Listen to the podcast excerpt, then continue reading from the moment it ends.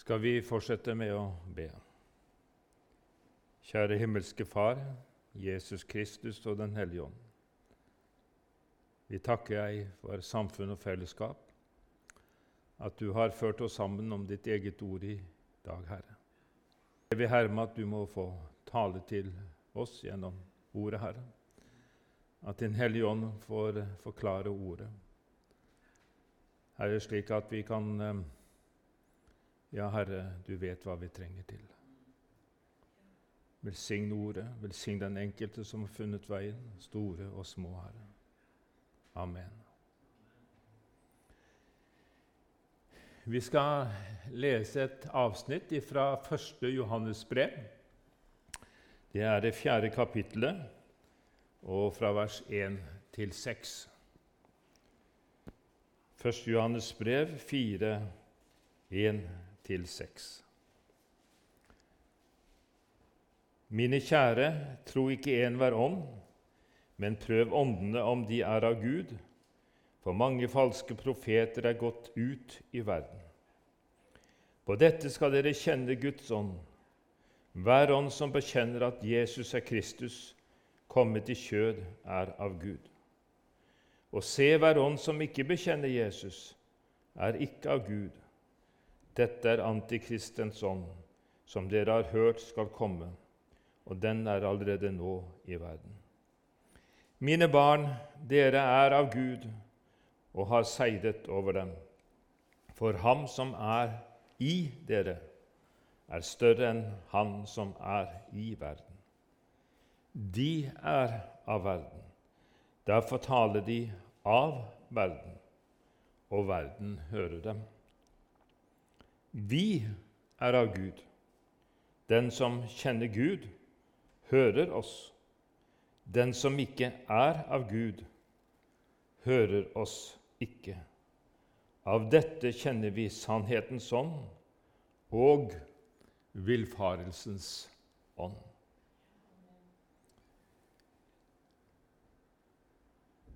De ordene som vi nå nettopp har lest sammen, de er Guds ord som lyder som en formaning til oss til troens folk, til Guds folk, for at de skal bli bevart i troen på Jesus Kristus. Vi leste formaningen her i det første verset. Tro ikke enhver ånd, men prøv åndene om de er av Gud, for mange falske profeter er gått ut i verden. Og hva betyr det? Jo, det betyr at innholdet i forkynnelsen skal prøves på Guds ord.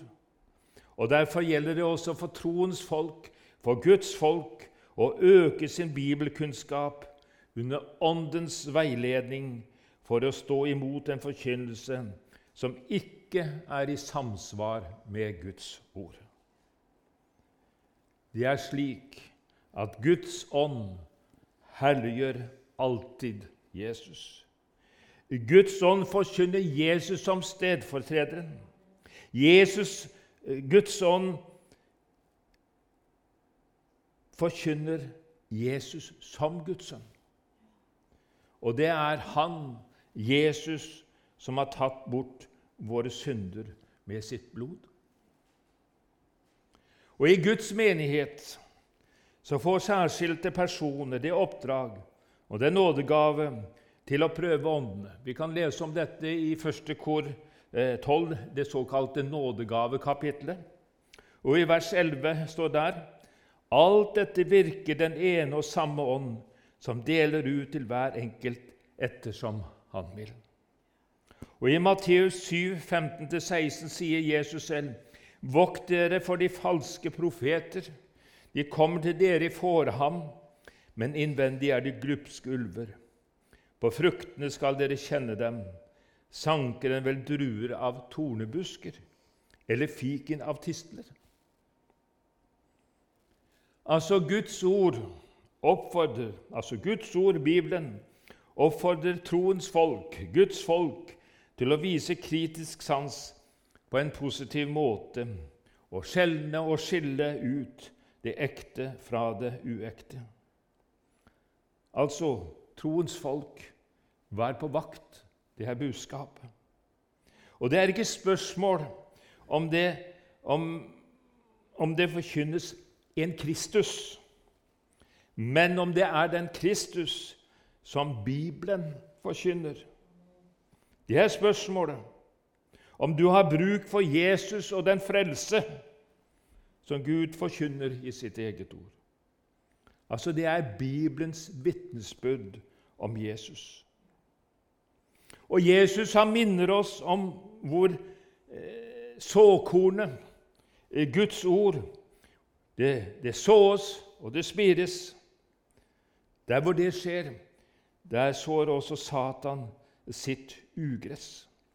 Og Hele den beretningen kan du egentlig finne i Matteus 13, hele det kapittelet der.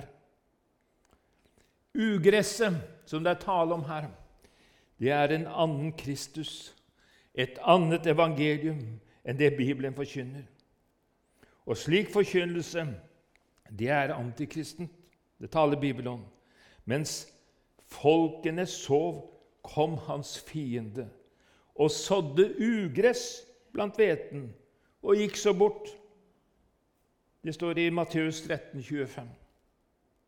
Altså djevelen, Guds argeste motstander. Han har en meget stor interesse å få troens folk til å sove og falle i søvn. Og mens troens folk sover, så kommer djevelen og sår ugress.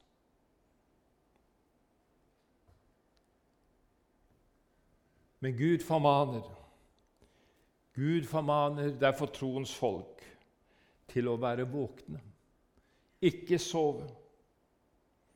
Og Djevelen han er flink til å etterligne Guds ånd og lage en falsk kristendom.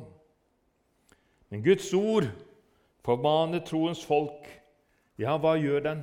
Jo, til å leve i ordet. Fordi det er ordet som holder deg våken. Guds ord er en livsnødvendighet for deg som er kristen. Den som har Guds ånd, bekjenner Jesu guddom, at Jesus er Guds sønn, hvor han er oppfyllelsen av alle Guds frelsesløfter. I 1. Johans brev 5.1 står det:" Hver den som tror at Jesus er Kristus, er født av Gud, og hver den som elsker Faderen, elsker også den som er født av ham. Antikristens ånd det var et ord vi møtte i, i denne teksten. Det er enhver ånd som ikke bekjenner Jesus.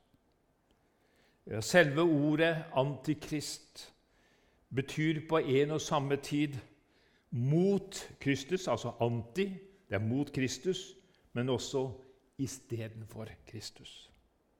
Altså det er en Kristus, en Kristus som stiller seg opp mot den Kristus Gud har sendt til verden og forsøker å erstatte Frelseren. Og Hans oppgave det er nettopp å forføre de troende og lede søkende mennesker på falske veier. Og det er spørsmålet er vi som Guds folk, troens folk, i vår tid våkne for dette. I denne samtiden eh, som dette Guds ord ble forkynt i, så hadde allerede troens folk hørt om antikristens ånd. Det var ikke noe nytt. Nei, det var ikke noe nytt. Jesus selv advarte mot denne ånd som er i virksomhet. Altså, Det er ikke noe som skal komme eh, en gang tre fram langt inn i framtiden, men den er nå. Den er allerede nå i virksomhet. Og hvilken kristen er det som ikke kjenner den antikristelige åndsmakt i vårt samfunn i dag? Den som lever i ordet, erfarer denne åndsmakt. Og denne åndsmakt oppleves som økende Og den vil bare intensivere mer og mer ettersom vi for hver dag nærmer oss den dagen Jesus skal komme igjen. Og I apostelen Johannes sin samtid så kjempet altså troens folk og menigheten i Lille-Asia mot en vranglære som fornektet Jesu guddom. Den lærte at Jesus bare var et menneske. De kunne ikke tenke seg at en evig Gud kunne lide og dø for syndere. Og I våre dager så er heller ikke disse toner ukjente. I 2. Johannes brev det består av bare ett kapittel, men i vers 7 står det For mange forførere er gått ut i verden som ikke bekjenner at Jesus er Kristus kommet til kjød. Dette er forføreren og Antikrist. Ann Johannes brev, vers 7. Altså Kjennetegnet på sann Jesu forkynnelse er budskapet om at Gud ble menneske, at Jesus på en og samme tid er sann Gud og sant menneske. Og Johannes 1, 14 sier Ordet ble kjød. Ordet ble kjød. Guds kjærlighet den ligger i Jesus Kristus, og kun i ham er Guds nådetilbud. Og det er ikke frelse i noen annen, for det finnes ikke noe annet navn under himmelen gitt blant mennesker ja, som vi kan bli frelst ved. Og apostelens gjerning i 4.12. Bibelen forkynner uten Jesus i mitt liv så er jeg under Guds dom.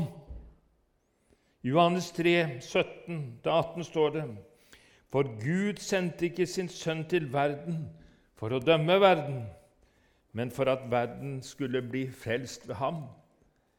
Den som tror på ham, blir ikke dømt.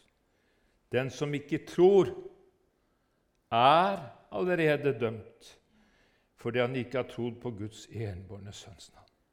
Slik taler Guds ord til oss. Og hva er så formaningen igjen til oss?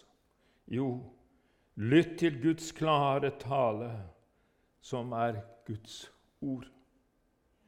Jesus han taler til deg gjennom sitt eget ord. Og Derfor er det så viktig for deg som er kristen, å være grunnfestet i ordet.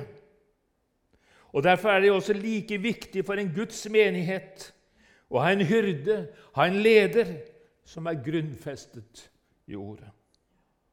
Det å kunne vite med seg selv, at du kan vite med deg selv 'Jeg vet på hvem jeg tror'. Og hva betyr det?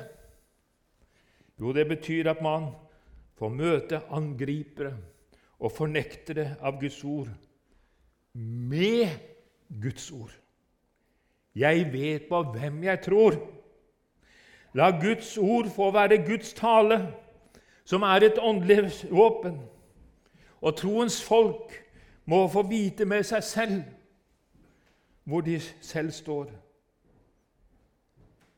Den som fremholder Bibelen som Guds ord og taler som Guds ord, ja, han vil alltid stå i fremste linje i åndskampen.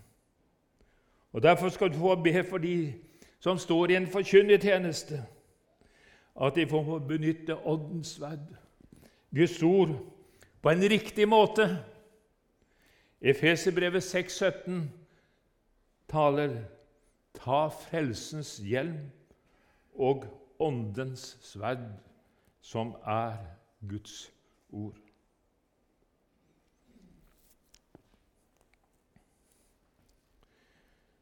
Du som er kommet og er i livssamfunnet med Jesus og dermed inn i Guds frelse, har allerede seiret, står det i vers 4 her. Nettopp i Jesus Kristus så ble seieren vunnet over alle ondskapens makter, hvor denne makt kjemper en tapende kamp. I Johannes 16, 33 Dette har jeg talt til dere for at dere skal ha fred i meg. I verden har dere trengsel, men vær frimodige. Jeg har overvunnet verden. Og i 2. kongebok 6,16 han svarte, frykt ikke, de som er med oss, er flere enn de som er med dem. Ja. Ordet om korset. Selve ordet om korset det finner du i 1. Korinterbrev 1,18. For ordet om korset er vel en dårskap for dem som går fortapt, men for oss som ble frelst, er det en Guds kraft. Ordet om korset.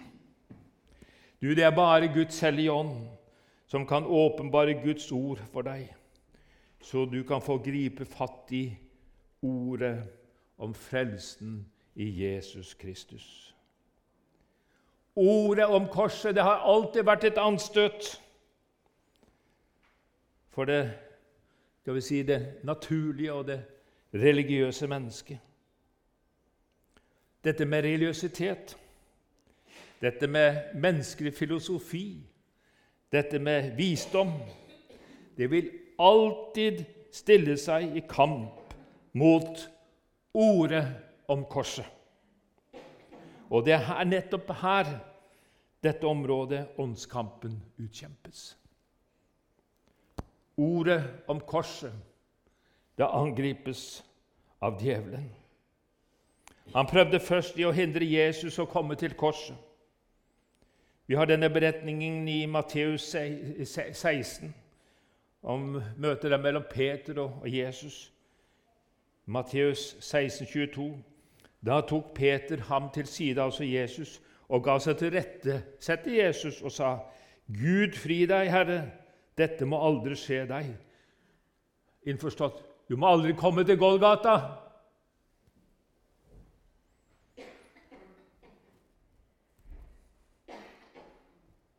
Da djevelen så at dette ikke nyttet, så satte djevelen inn med en ny strategi. Og hva var det? Jo, nå gjaldt det å forurense korsets budskap. Forurense ord om korset ved å fjerne noe av anstøtet. Djevelen han vet at han kjemper en, en, en tapende kamp fordi han ble beseiret på Golgata. Og nå gjelder det for ham å føre flest mulig av troens folk på villspor. Allerede i paradishagen som kan Satan og fristeren, slangen, med sitt budskap. I første Mosebok 3.1 har Gud virkelig sagt dere skal ikke ete av noen tre i hagen. Ja, strategien det var å så tvil om Guds eget ord. Og et av kjennetegnene er at det er noen som ikke vil vite noe av den hellige Gud som straffer synden. Nei, Gud kan ikke være slik. Jeg vil at vi skal gå til profeten Jeremias. Det er snakk om, eh, om løgnprofeter og løgnsyner. Og Det skal vi lese om i Jeremias 14, 3-14. Da sa jeg, Å Herre, Herre, Profetene sier til dem i Jeremias 14, 13-14.: Dere skal ikke se sverd. Hør! Dere skal ikke se sverd, og hungersnød skal ikke komme, ramme dere, men jeg vil gi dere vare fred på dette sted. Men Herren sa til meg, altså til profeten Jeremias, løgn profeterer profetene i mitt navn. Jeg har ikke sendt dem og ikke gitt dem befaling og ikke tal til dem.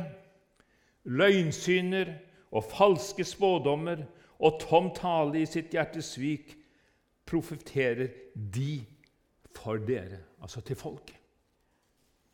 Altså Ifølge så går det an å få en nåde Gud uten å gå veien om korset og Jesus. Og Vi går nå kapitlet framover i Jeremia 6, 13-14. For alle sammen, både små og store, søker urettferdig vinning. Både profet og prest farer med svik. De leger mitt folk skade på lettferdig vis i det de sier 'fred, fred', og det er ingen fred. Altså, Der forkynnes en fred uten å gå veien om korset, og folket det føres vill på denne måten. For hva sier Jesus om seg selv? Jo, Jesus han sier om seg selv Jeg er verden, sannheten og livet. Ingen kommer til Faderen uten ved meg. Johannes 14, 6. Altså, Det er jo Guds klare tale. En kristen han lever i Ordet for å bli kjent med hyrderøsten Jesus. Og hva betyr det? Jo, du lar Guds ord få innflytelse i ditt liv. Kolossenserbrevet 3,16 sier La Kristi ord bo rikelig blant dere. Det sto 'rikelig'. Altså, Det kan ikke bli nok av det. Guds ord, innflytelse. Har jeg beregnet omkostningene ved å være i Jesus sitt følge? I syv år så har jeg fått lov til å delta i en gruppe med menn, med menn og, og, kvinner eh, som har eh, forlatt sin bakgrunn og kommet til tro på Jesus Kristus. De har fått erfare forskjellige ting i sitt liv. Jeg kan bare ta et par konkrete eksempler. En han måtte skifte mobilnummer fordi han ble truet og trakassert. En annen som evangeliserte på sin Facebook-side, han ble også truet og trakassert, og han måtte legge det ned. Altså, Det får sine følger. Det får sine konsekvenser. Og la Guds ord få sin innflytelse i sitt liv. Altså, Det får også få praktiske følger. For Jesus sier i Johannes 15, 18, når, dere, når verden hater dere, da skal dere vite at den har hatet meg før dere. Og i Matteus 10, 22, og dere skal bli hatet av alle, står det her, I, for mitt navns skyld. Men den som holder ut enden, han skal bli frelst. Altså, du bærer navnet til Kristus. Og det får sine følger, for du bærer navnet til Kristus. Verden, dvs. Si de som ikke tror på Jesus, hører mer enn gjerne en forkynnelse som fornekter Jesus som Guds sønn og som verdens frelser. Og så blir Jesus presentert noe helt annet. Han er et ideal, ja. En politisk frigjører, ja. En sosial reformator. Det blir bare kun på det planet der, og ikke noe mer. Verden vil ha en Jesus som ikke virker til anstøt. Og Derfor forsøkes det stadig å forvrenge, trekke noe fra og legge noe til i Guds ord. Inn på dette med ordet om korset. Dette er ikke ukjent. Og så gjøres dette for at det skal passe inn for det såkalte moderne mennesket, og dermed inn i den samtiden som vi lever i. Bare tenk etter. Som Jesu troende må vi tenke etter i denne situasjonen som vi lever i. Og til slutt skal vi gå til det siste kapittelet i Johannes' åpenbaring, altså det 22. kapittelet og vers 18 og 19. Jeg vitner for enhver som hører de profetiske ord i denne bok. Dersom noen legger noe til dette, da skal Gud legge på ham plager som det er skrevet om i denne bok. Og dersom noen tar bort fra ordene i denne profetiske bok, da skal Gud ta bort hans del fra livets tre og fra den hellige stad som det er skrevet om i denne bok. Ja, et endetidstegn, og aktiviteten øker. Guds ord plukkes fra hverandre.